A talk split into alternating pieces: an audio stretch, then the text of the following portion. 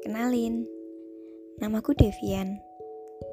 Dan ini podcast pertamaku tentang bumi dan lukanya.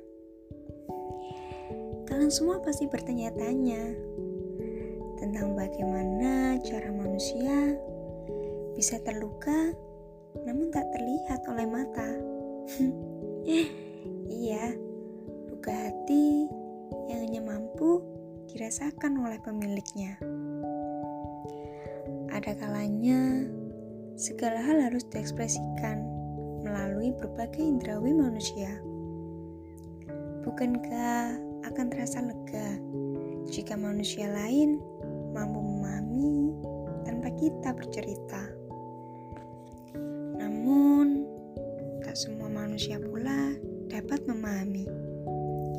Sekalipun kita telah bercerita dan berdebat panjang lebar. Bukan hal baru jika manusia membutuhkan wadah sebagai tempat untuk berkeluh kesah.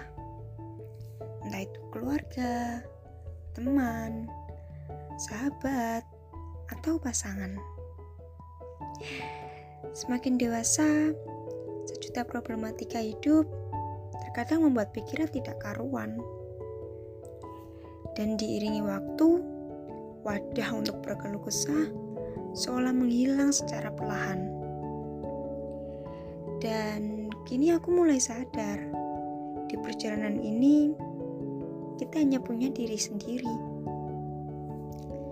Berulang kali aku berdialog sama diri sendiri, meneguhkan untuk jangan menyerah. Meskipun di perjalanannya aku diiringi oleh tirai air mata. Namun, berusaha aku tutupi di sela tawa.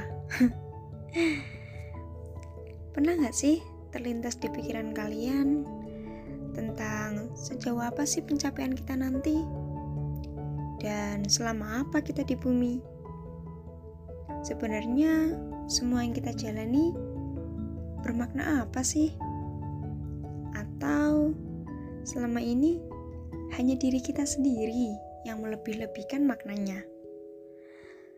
Tapi aku begitu percaya bahwa kehadiran luka di bumi sebagai bentuk interaksi semesta supaya kita menyadari bahwa kesempurnaan hanyalah sebuah ilusi belaka yang menyebab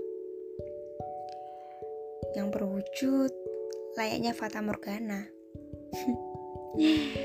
di perjalanan hidup ini kita semua seperti benang yang saling terhubung hingga membentuk suatu ikatan rumit yang jika ditelusuri tidak pernah tahu di mana ujungnya. ya itulah hidup. Di bumi ini kita pasti punya alasan kenapa kita harus hidup atau tidak. Mengapa kita harus terluka dan resah. Dan yang paling penting, kebaikan apa yang telah kita tebarkan di bumi selama ini. Sekalipun kita sering beranggapan bahwa bumi tak pernah berdamai dengan kita. Adanya luka selama ini membuat kita belajar memahami untuk introspeksi dan memotivasi diri sendiri.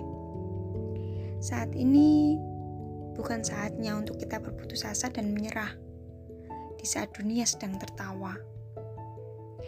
Salam terakhir untuk jiwa yang terluka dan resah di dalam memimpikan sebuah kedamaian di bumi. Mari obati luka diri dan lanjutkan perjalananmu di bumi. Jangan sesekali menjadi obat untuk orang yang tidak mau sembuh. Bye.